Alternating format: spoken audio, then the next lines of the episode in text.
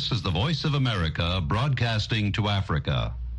The following program is in Hausa.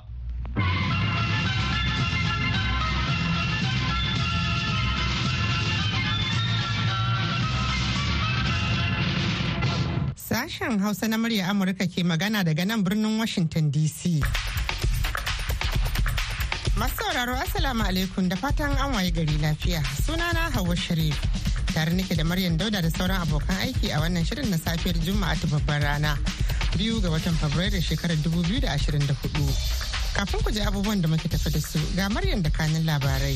To Hauwa a jiya Alhamis shugaban Amurka Joe Biden ya sanya hannu a dokar sanya takunkumi a kan 'yan Isra'ila mazauna yankin yamma da kogin Jordan da ke goyon bayan tashin hankalin yankin. Dakaran Amurka na shirye-shiryen kai hare-hare da yawa akan mayaƙan da ke samun goyon bayan Iran a faɗin yankin gabas ta tsakiya don mai da martani akan wani harin jirgin sama mara matuki da aka kai kan wani sansani a Jordan wanda ya yi sanadin kisan sojojin amurka uku.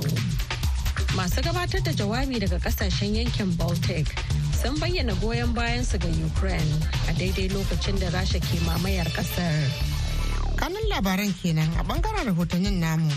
Za ku ji cewa hukumar zaɓe mai zaman kanta ta ƙasa inec a najeriya ta cire jam'iyyar pdp a jerin jam'iyyun da za su shiga zaɓen da za ta gudanar na 'yan majalisun tarayya a shiya arewacin jihar plateau dama muna jin jita-jita ne cewa ba za mu shiga zaɓe ba domin opponents mu suna ta faɗa ai ba pdp a zaɓe. To mu ba mu ɗauka ba saboda shari'ar da aka yi a supreme court. Haka zalika ci gaba da taka leda da ake yi a gasar wasan ƙwallon kafa na cin kofin shi nahiyar afirka. A yau juma'a najeriya za ta goge rani da ƙasar angola.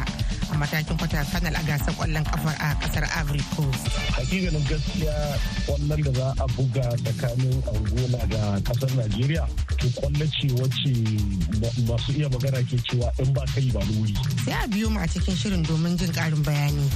Kamar kotu safiyar Juma'a yau ma muna tafi da shirin manuniya wanda Isa Laula Ikara zai gabatar.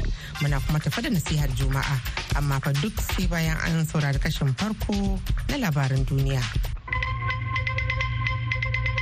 Jama'a Assalamu alaikum ga cikakkun labaran. A jiya Alhamis shugaban Amurka Joe Biden ya sanya hannu a wata dokar sanya takunkumi a kan 'yan Isra'ila mazauna yankin yamma da kogin Jordan da ke goyon bayan tashin hankali. Wani mataki da gwamnatinsa ta ce na nuna an ɗauki cikakkiyar hanyar sasanta rikicin Gaza. Muna duba duk matakin da ya dace wajen magance wannan rikici ba kawai a Gaza ba har ma da Isra'ila baki ɗaya. Wato gaza yamma da kogin jordan da kusan baki ɗayan yankin. Abinda wani jami'in gwamnatin biden ya faɗawa manema labarai kenan a jiya alhamis. A jiya alhamis ɗin biden ya kai ziyara jihar michigan da ke da mahimmanci wajen cin zaɓe. Jihar da ke zaman ɗaya daga cikin jihohin ƙasar da ke da al'umma amurkawa larabawa mafi yawa. Al'ummar jihar na daga cikin karin amurkawa da suka bayyana damuwa game da yadda biden ya dage wajen nuna goyon bayan hare-haren sojojin isra'ila a matsayin martani ga harin ta'addancin da ƙungiyar hamas ta kai kan farar hula a isra'ila a ranar 7 ga watan oktoban bara. Dakaran amurka na shirye-shiryen kai hare-hare da yawa akan mayaƙan da ke samun goyon bayan iran a faɗin yankin gabas ta tsakiya. Don mai da martani akan wani harin jirgin sama mara matuki da aka kai akan wani sansani a jordan wanda ya yi sanadin kisan sojojin amurka uku tare da jakkata wasu fiye da arba'in. Sakataren tsaron amurka lloyd austin da yake magana da manema labarai a karan farko tun bayan da aka kwantar da shi asibiti a ranar 1 ga watan janairu saboda matsalolin da ya fuskanta bayan da aka yi masa tiyatar cutar sankara. Ya kira harin da aka kai a arewa maso gabashin jordan mai matuƙar muni. Ya kara da cewa ba za su lamunci irin waɗannan ayyuka ba. Sakataren tsaron na amurka ya kuma yi watsi da sanarwar ƙungiyar kataib hezbollah da ke samun goyon bayan iran a iraki mai cewa ta dakatar da kai hare-hare a kan sojojin amurka. Masu gabatar da jawabai daga ƙasashen yankin baltic sun bayyana goyon bayansu ga ukraine a daidai lokacin da rasha ke mamayar ƙasar sun kuma ce ci gaba da samun taimako daga amurka don ukraine na da matuƙar tasiri ga yankin indo-pacific. A wannan makon shugabannin majalisar dokoki daga ƙasashen Latvia, Lithuania da Estonia sun kawo ziyara nan Washington inda suka tattauna da 'yan majalisar dokokin Amurka ciki har da kakakin majalisar wakilai Mike Johnson da jami'ai daga ma'aikatar harkokin wajen Amurka. Johnson ya faɗa a shafin sada zumunta na X cewa ya tattauna akan kalubalen da ake ci gaba da fuskanta da muhimmancin dakila ƙasashe masu barazana kamar china rasha da iran a yayin ganawarsa da shugabannin majalisar dokokin ƙasashen yankin baltic a farkon wannan makon tattaunawar dai ta zo ne a daidai lokacin da 'yan majalisar dokokin amurka ke tafka muhawara akan ba ukraine karin sabon tallafi. Ukraine dai ta dogara ne ga tallafin da take samu daga ƙasashe abokan hulɗarta na yammacin duniya musamman amurka domin yaƙi da mamayar rasha kusan shekaru biyu kenan. To kuna sauraron labaran ne daga nan sashen hausa na muryar amurka a birnin washington dc an jima kaɗan maryam za ta sake shigowa da ci gaban labaran duniya. Kafin nan yanzu bari mu shiga birnin jos kwata ta yamma da bauchi a najeriya. Inda wakiliyarmu da ke can zainab babaji ta rawaito mana cewa hukumar zaɓe mai zaman kanta ta najeriya wato inec ta cire jam'iyyar pdp a jerin jam'iyyun da za su shiga zaɓen da za ta gudanar na 'yan majalisun tarayya a shirya arewacin jihar plateau kamar da yadda za ku ji a cikin wannan rahoton da ta aiko mana. Hukumar zaɓe mai zaman kanta ta ƙasa ta cire jam'iyyar pdp a jerin jam'iyyun da za su shiga zaɓen da za a gudanar na 'yan majalisun tarayya a shiyar plateau ta arewa. Gudanar da zaɓen ya biyo bayan shari'ar da kotun ɗaukaka ƙara ta yanke ne, inda ta cire sanata mai wakiltar Plateau ta Arewa Simon Matcon da ɗan majalisa mai wakiltar Basa da Jos ta Arewa a majalisar wakilai Musa Aga. Mataimakin kakakin jam'iyyar PDP a jihar Plateau Alhaji Abdullahi Garba mai rake ya ce tun suna jin kishin kishin har dai ya tabbata ba sunan jam'iyyarsu a cikin zaɓen na gobe Asabar. To gaskiya lamari ne bai mana daɗi ba. Dama muna jin jita-jita ne cewa ba za mu shiga zaɓe ba domin opponents mu suna ta faɗa ai ba PDP a zaɓe. To mu ba mu ɗauka ba saboda shari'ar da aka yi a Supreme Court da shari'ar ma da ta ce mu mu koma mu maimaita zaɓen. To amma ba ta ƙare a nan ba. Mun riga mun shigar da ƙara a kotu. To saboda haka ko an yi zaɓe an gama za mu fi hakkinmu a kotu. Shugaban ƙungiyar gamayyar jami'iyyu ta IPAC a jihar Plateau Abubakar Dogara ya ce ba su da hurumin canza matakin da hukumar zaɓe ta ɗauka. Sai dai jama'a su yi haƙuri su gudanar da zaɓen cikin lumana. Yato hukumar zaɓe kamar yadda ta saba sun yi ƙoƙari sun kira duka jam'iyyu kuma kusan duka jam'iyyun nan sha tara suna na a wannan wurin duba kayayyakin. Kuma sun yi ƙoƙari sun kawo kayayyaki kusan gaba ɗaya. Babu wani abu da muka gani wanda ba daidai ba wannan zaɓe ita ƙungiyar jam'iyyu ba mu da wani iko da muka isa mu hana zaɓe gudana. Ba ku zauna kun tattauna da ita hukumar zaɓe ne kafin wannan lokaci a san wa'anne jam'iyyu ne za su shiga wannan zaɓen ba? A taron da hukumar zaɓe ta kira na jam'iyyu ranar na jin tara ga wata da ya wuce mun tattauna a wurin kuma wasu jam'iyyu sun tambaya wasu jam'iyyu ne za su kasance a kan ballot paper na zaɓen nan. Hukumar zaɓe a wannan lokacin bata iya cewa ga jam'iyyun da za su yi takara ba ko kuma za su kasance a ballot paper dai zuwa gaba don ba su samu communication daga national headquarters ɗinsu ba. Ina kira kowa ya kwantar da hankalin shi ƙoƙarin mu shine mu tabbatar da zaman lafiya ya dawwama a jihar Plateau. Ga mai fashin baki kan lamura kuma shugaban ƙungiya mai zaman kanta mai suna Clean Guard Shamaki Peter ya ce kotu ce kaɗai za ta ƙwace wa PDP 'yancinta. To gaskiya wannan abin da ya shafi PDP nan damu tana cewa ita Court of Appeal sun ce PDP PDP ba su da structure sai suka cire duk yan pdp da suke senate house of da state house of assembly. Pdp su koma court kawai yanzu su je su nemi interpretation kuma su nemi ya da ya taimaka musu a wajen. Kafin nan kuma an riga an gudanar da zaɓen a to ai yanzu kam ai tun da su an cuce su ai. Ko an cire members sha shida an cire senators guda biyu an cire house of guda biyar. Kuma kin sayar wannan abubuwan da yake dawo yake jawo mana rashin zaman lafiya a plateau. Dan haka shi yasa ni kin gan yanzu na yi da babban murya ina bayar da haƙuri. Cewa kar wani ya je wani zanga zanga-zanga ko ya doki doka a hannunsa ko ya kawo damuwa a je a duba da kyau a gan gyaran da kuma a kiyaye na gaba. Hukumar zaɓe mai zaman kanta ta ƙasa dai ta ce zaɓen na gobe Asabar zai cike guraben sanatoci uku da wakilan majalisar tarayya goma sha bakwai, 'yan majalisun jiha 28 a ƙananan hukumomi 80 a jihohi 26 na Najeriya. Zainab Babaji, muryar Amurka daga Jos a Najeriya. Gaida Zainab Babaji da wannan rahoto. Ana tare ne da sashen Hausa na murya Amurka a birnin Washington DC. Ana kuma iya sauraron shirye-shiryenmu da suka gabata a shafukan mana sadarwar Facebook, Twitter da Instagram. Ga Maryam ta dawo da ci gaban labaran duniya. Hukumar leƙen asiri da tsaro ta Somaliya ta NISA ta faɗi cewa a karon farko ta yi nasarar toshe shafukan yada labarai na yanar gizo guda goma sha huɗu gaba ɗaya waɗanda ake zargin 'yan ƙungiyar alshabab masu tsatsauran ra'ayi ke amfani da su.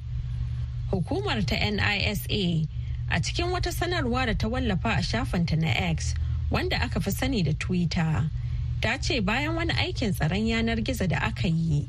sashenta na sa ido a kan yanar gizo ya gano wasu shafuka da ƙungiyar al-shabab reshen ƙungiyar al-qaida a gabashin afirka ke amfani da su don ayyukan da aka haramta. Hukumar ta ce aikin ya hada da binciken wasu shafukan yanar gizo da aka yi zargin suna aikata ba daidai ba da kuma gano waɗanda suka yi rajistar su. Mataimakin ministan yada labaran somaliya abdulrahman yusuf adala ya shaidawa muryar amurka cewa aikin na daga cikin ƙoƙarin da gwamnatin tarayyar ƙasar ke yi na yaƙi da ta'addanci da tsatsauran ra'ayi. Labaran duniya aka saurara daga nan sashen hausa na murya amurka birnin washington dc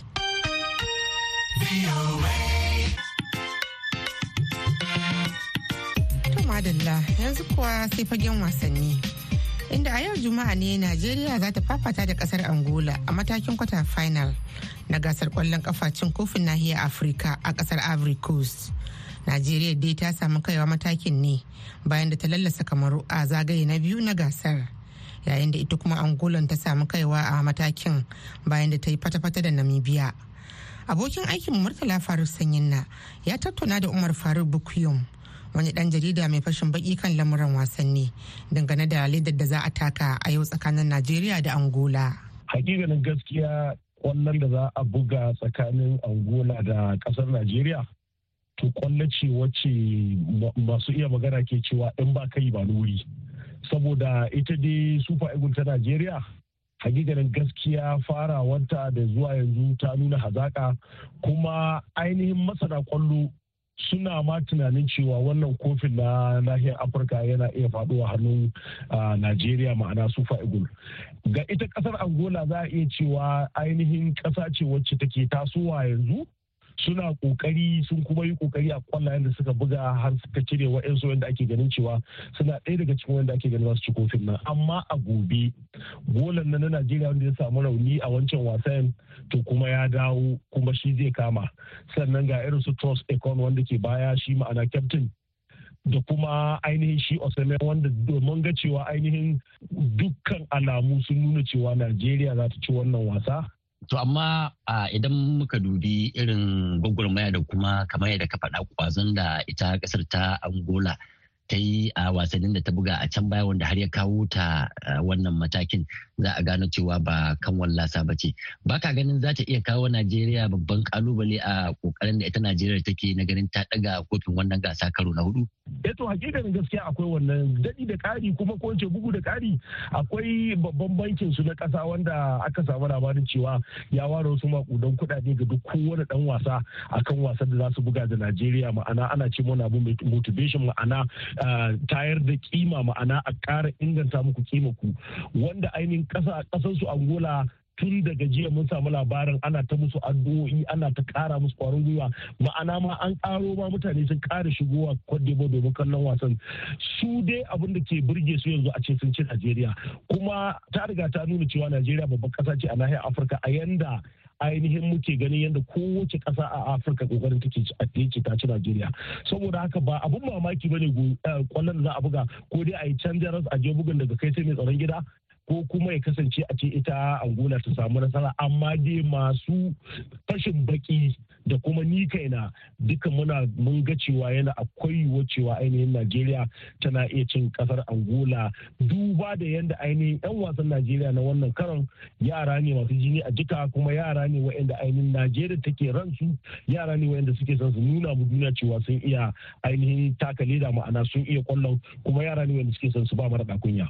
Angola na ɗaya daga cikin ƙasashe da ake gani kamar ƙanana. Idan muka yi la'akari da yadda wannan gasa ta bana ta zama ta musamman ƙananan ƙananan ƙasashe ta ɓangaren ƙwallon ƙafa amma nake magana za ka ga cewa a wannan karon gasunan su ne suke ta fitar da manya-manya. Hasali ma yanzu kaga an fitar da wanda ke riƙe da kambin da wadda ta buga wasan ƙarshe da ita a wancan lokaci wadda ita ma a wannan lokacin ta so ta ɗauki wannan kambin. Ina maganan ƙasan senegal da kuma ƙasar masar. Baka ganin tasirin wannan abin wataƙila na iya shafuwar najeriya wanda ake gani tana daga cikin manya-manya waɗanda tana cikin kuma kalila waɗanda suka rage a wannan gasa? Eh to hakikanin gaskiya wannan shine tsoron da kowa yake ji. Saboda ita wato ƙwallon da ake buga wannan shekarar gaskiya ƙwallo ce wacce ta ba kowa mamaki. Ma'ana wanda kake ganin bai iya ba shine yake nuna ya iya. Ita kanta ƙasar angola da irin su bat da irin su south africa wayanda sun yi ta ganin koma baya a harkar ƙwallo hakikanin gaskiya kowa ya mamakin a ce yanzu su ne suke kan gaba akan ainihin bugawa da manyan ƙasashe to a ƙarshe menene hasashenka game da sakamakon wasan? To wasa na farko najeriya ta yi can jaras wasa na biyu ta ci ɗaya ba ko ɗaya wasa na uku ta ci biyu ba ko ɗaya. A yanda na yi bayani ita najeriya yanayin ƙwallon ta bana ba ƙwallo ne na cin kwallaye da yawa ba. Saboda ƙarfi suke tarawa gaba kuma su dawo da ƙarfi baya.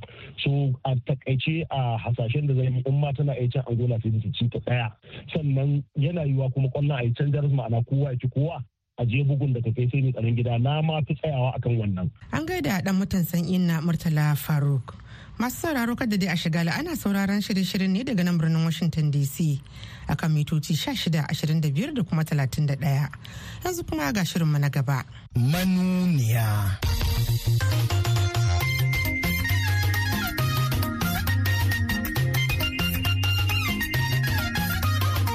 Babu wanda ya isa babu wanda ya isa babu wanda ya isa dan siyasa a yau ya gina gidan da yake da shi in ba wata sana'a yake ba da kuɗin aikin gwamnati. Babu. Tsohon dan masokilan tare najeriya malam abubakar cika da muke nan ke tabbatar da tabkata baibayin tattara dukiyar masu mukaman da ya ce akwai shababa. Game da shimfiɗa shimfiɗar zaɓuɓɓukan cike gurbi a faɗin najeriya kuwa wasu masu arziki ne ke cewa abubuwan da suka fara zaɓuɓɓukan baya ne idan ba a yi sa'a ba za a daɓa. Ina mutanen da aka kama sun kai su kotu ne mutum nawa aka hukunta kuma suna ina? Mu inec ba mu da daman mu yi making arrest. Police ke da wannan daman. Shi kuwa tsohon gwamnan jihar kabbin da yanzu da masar jan tare nigeria ne sanata adamu aleru cewa yake rufe iyakan nigeria da nijar fata karya 'yan kasuwan ƙasashen guda biyu a kan gaba. Akwai 'yan kasuwanmu da yawa sun tsiyace saboda wannan rufe boda din kuma jaridan da ya ma aka rufe boda ɗin nan mu har yanzu mun kasa fahimta shi. Waɗannan fa so mun ta muka tattatso cikin tarin muryoyin da za ku za cikin wannan shiri na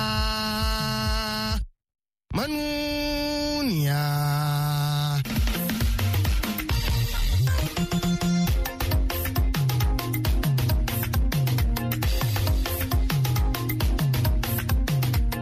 Mai sauraro Assalamu alaikum barkamu da lokaci kuma sanin da sa'ar sake saduwa a cikin sabon shirin manuniyan da ke ta faman ƙara ƙiba. Shiri na ɗari da hamsin da biyar cikin jerin shashiren manuniyan da kan bibi al'amuran gwamnati da siyasa ya ɗan tattaɓa. maganar siyasar kuma amma game da hukuncin kotun ɗaukar ƙara a kan 'yan majalisar jihar plateau ce ta sa barista elzubar abubakar ya ci gaba da gaya wa duniya cewa a gaskiya akwai kwaba. kotun ɗaukaka ƙara ta najeriya ta daɗe da wannan matsalan shi kan shi da zaɓen gwamna yana tsayawa ne a kotun ɗaukaka ƙara ta najeriya. Amma irin mabambantan hukunce-hukuncen da suke bayarwa yasa aka ce lallai su ma gwamnoni sai an kai shari'unsu kamar na shugaban ƙasa kotun koli. To ka kaga yanzu wannan ma yanzu ya ƙara nuna dalilin cewar lallai waɗannan na 'yan majalisun ma akwai buƙatan a kai shi kotun koli. Duk da cewa kotun kolin ayyuka sun mata yawa amma in nan ne za a samu adalci to abin da ya fi kyau a kai shi can wurin. Abu na biyu waɗannan alƙalan kar a ce an yi kakkausar harshe a kansu kawai inda hali a ladabtar da su. Waɗanda aka sa sunansu ɗin nan akan za a kai su kotun koli a sauke sunayensu. Gaskiyar a gani na ita ce 'yan majalisar nan an cuce su kuma an cuci waɗanda suka zaɓe su amma a doka ba yadda za a yi sai dai su yi haƙuri a zango na gaba in Allah ya kai mu. Shi kuwa mafashin baki a al'amuran siyasa Honorable Nasir Garba Dantiye cewa yake demokaradiyyar ƙasar nan fa tana cike da matsaloli daba-daba. Ba yadda za a kai maganar demokaradiyya da ci gaba sai kayan maganar ingantaccen karɓaɓɓen zaɓe. Ingantaccen karɓaɓɓen zaɓe kuma yana zuwa wanda aka yi daidai da dokoki waɗanda dokokin zaɓe da na tsarin mulki na ƙasa suka tanada. Daga inda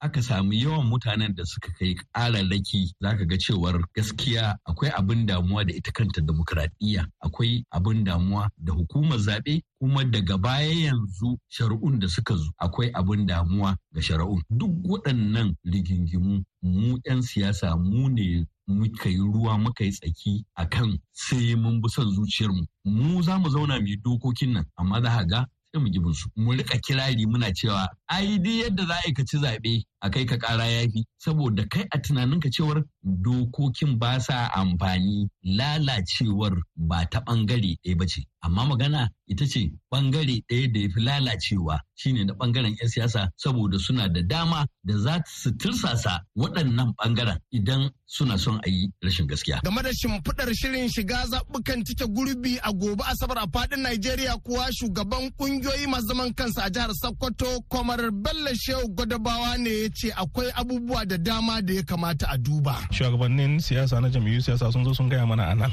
cewa wancan lokacin za su ba da haɗin kai za su samu zaɓe cikin kwanciyar hankali zaman lafiya. Sai aka waye gari an samu rigingimu da yawa. Sun zana kuma mun dawo mun zauna kowa yana irin magana nan da aka yi. Shin ina mutanen da aka kama wa'anda suka yi wa'ancan laifukan da ake magana na zaɓe har aka soke zaɓe wasu wurare. Yanzu haka ma jam'iyyun suna kotu. Ɗaya daga cikin wasu wurare da suka ƙalubale shine zaɓuɓɓukan da aka soke wasu wurare. Shine dalilin da ya samu ka tambaye ta INEC da kuma su hukumar zaɓe cewa ina mutanen da aka kama sun kai su kotu ne mutum nawa aka hukunta kuma suna ina idan ana ƙyale mutane wani lokaci suna ikirari kamin a tafi zaɓe cewa za su tayar da hankali kuma a ƙyale su kuma ranar zaɓe su zo su tayar da hankali sannan kuma a ce ba wani daga cikin su wanda aka kama kaga matsala ce mai zaman kanta wanda ya kamata a ce a kalle ta saboda zaɓukan da za su to gaba. sai dai mai rikon kwariyar kujerar kwamishiniyar zaɓe a jihar ta sokoto hajiya hauwa aliyu kangiwa ta ce kama masu laifuffukan zaɓe fa baya cikin hurumin da aka ce hukumar zaɓen ta taba. Mu INEC ba mu da daman mu yi making arrest. Police ke da wannan daman. Idan sun yi investigating za su sa a file su kawo mana file din wane da wane da wance sun yi kwamitin wa'annan laifuffukan. Mu kuma mu ne yan INEC lawyers din INEC ta ba mu dama mu je mu yi prosecuting din su a kotu. To idan har lalle ba su kawo mana mutanen nan ba da case files din yaya za mu yi prosecuting. To amma hajiya wani irin mataki kuke ɗauka misali kamar a ce an kashe bibas ko an fasa akwatin zaɓe amma yan sanda ba su kawo muku wanda suka kama ba wani irin mataki kuke doka akan hakan. to ba abin da za mu yi in ba su kawo ba sai in sun kawo mana ban isa yanzu in zo in kama ka ba in ce zan yi investigating in kai ka kotu. sai dai kuma game da yaƙi da canci rashawa a Najeriya shi tsohon masar wakilan tare Najeriya Malam Abubakar Cika Adamu ne ya ce ai duk wani mai mukami a Najeriya an taɓa bashi kuma ya karɓa. Wannan abun da ta faru ta beta edo za mu je ne kawai ta tarar da mu je mu ya abin da ya faru 'yan Najeriya suka yi cama al'amarin. Idan tunin na so ya gyara cin hanci da rashawa ya faɗi abin da ya mallaka tukun ya publishing ɗinta me sana'an shi? Ya nuna maka factory da tunin yake da shi. Ba mu ji ko factory ɗin yin ruwa ba yanda Atiku ke da ta ruwa. Ta saboda haka a gwamnati ya same ta yau ya ce duk ya mayar. Mu ma da muka yi aikin gwamnati da shubuhar da muka ɗauka da wadda ma killa haramun ne ba mu san da ita don wasu cikin mu sun yi ƙoƙarin suke yi amma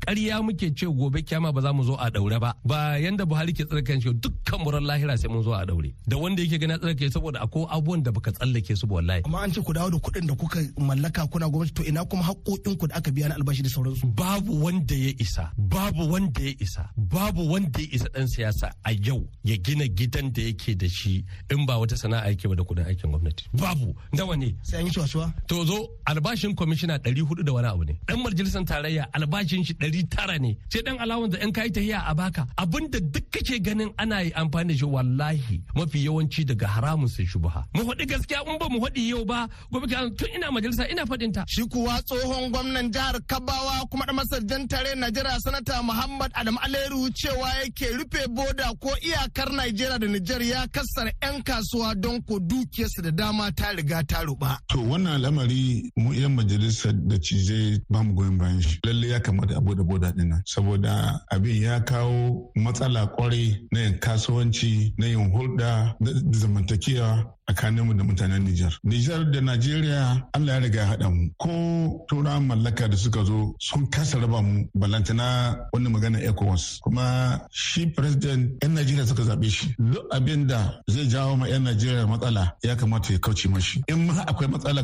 to kamata yi tsaye ga cewa ya kau da ita. Yanzu wannan rufe boda da aka yi akwai 'yan kasuwanmu da yawa da suka yi hasara. Akwai waɗanda sun tsiyace saboda wannan rufe boda ɗin. Sun dogara ne akan kan kasuwancin da ake yi tsakanin Najeriya da Nijar suna samun abincin da su ci. To yanzu kasuwancin ya mutu. Turololi turololi sun ci ko da kayayyaki da yawa sun kai dubu ɗaya da ɗari biyar. Wasu sun wata wajen shidda, wasu sun wata bakwai. A tsaye a wuri guda. A tsaye wuri guda. Kayan ma wasu sun lalace sun rube mutane sun yi hasara. Saboda haka wannan babban rashi ne gare mu. Kuma dalilin da ya sa ma aka rufe boda ɗin nan mu har yanzu mun kasa fahimta shi. In dan magana wai ayyuku ne a cikin Nijar. Ai talakawa Nijar abin yake musguna ma bisa ga su sojojin da suka karɓi mulki din.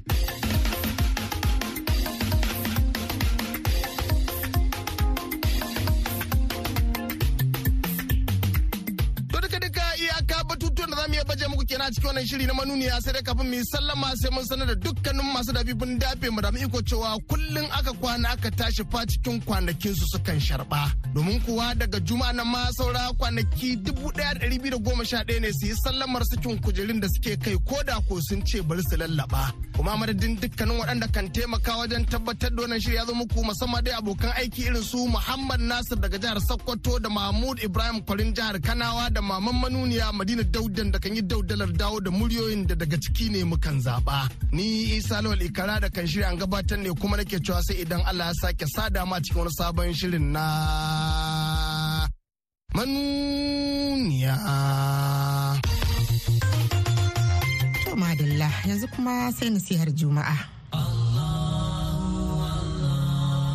Assalamu alaikum warahmatullah sunana Bello Dahiru Zuga. Ni ne limamin Central Mosque, Akwa Ibom State. Muna nasiya ne dangane da abin da ya shafi rayuwa ta duniya. Allah madaukakin sarki ci mana cewa wannan duniya ba komi ne a cikin lakacin rudani wanda wannan rudani kuma ba inda yake kai cikin lakacin halaka. Kamar yadda ya gaya mana alƙawarin sa mai ba cewa ya ku waɗanda kuka imani lalle alƙawarin Allah gaskiya ne. Kada ku sake duniya ta ruɗe ba kowa ne yake ruɗa duniyar mutane ba face sai shi ke son raba mu da Allah. Shi shedan makiyin mu ne kuma mu ma mu riƙe shi mai kamar yadda shi din baya son mutu da kuma ba kaunarsa muke ba. Shi dan yana kira zuwa ga rindina don yana son mutane su zama wuta cikin wutar sa'ira. To amma shi ko Allah madaukakin sarki ya riga sun faɗa mana fa'idodinsa. In muka bi shi za mu samu dace. Shi ya zo daga ma'aiki sallallahu alaihi wasallam. Wata rana idu yana ba mu labari yana gaya mana cewa ma'aiki sallama yana huduba suka zauna a gefensa yake cewa da su ina je muku tsoro a gare ku wanda zai zo bayana. Wadda wannan tsoro abin da zai zo shine na arziki duniya da adalci ita duniya. Saboda haka mu kiyaye saboda kata ruɗe mu ta raba mu da Allah. Sai za ga mutane duniya ta kwaye su ba sa yi wa 'yan uwansu adalci ba sa yi wa abokan zaman su adalci ba sa yi wa mabantan addinin su adalci. Ba sa yi wa 'yan ƙasar su adalci wannan ba daidai ba duniya ba komai ba illakacin kazanta muna yi wa yan uwa fatan alkhairi da kasan muna mata Allah ba mu lafiya da zaman lafiya. Shugabanninmu muna roƙon Allah ya riko da hannunsu ya ba su ikon yi mana adalci. Mabiya su ma Allah ba su da fadara cikin salama. Assalamu alaikum To baki ɗaya kuma a nan ne za mu naɗe tabarman shirin na wannan lokacin. Sai kuma an jima da hantsi idan Allah ya so za ku sake jin mu da ƙarfe takwas agogon Najeriya, Nijar, Kamaru da Chadi, wanda zai daidai da ƙarfe bakwai agogon GMT da Ghana. yanzu a madadin dukkan waɗanda suka ba da gudunmawa wajen kammaluwar shirin musamman maryam dauda da ta tani gabatar da shirin sai editar mu ta wannan zangon grace alheri abdu da hadiza kyari da ta hidimar ɗora labarai a shafukanmu na yanar gizo da dan mutan congo daɗi belawi da ya ba da umarni ya kuma haɗa shirin. Da ma injiniyan mu na yanzu. Baki ɗaya madadin su hawa sharifin muku fatan alheri. Daga nan birnin washington dc sai an ji ku.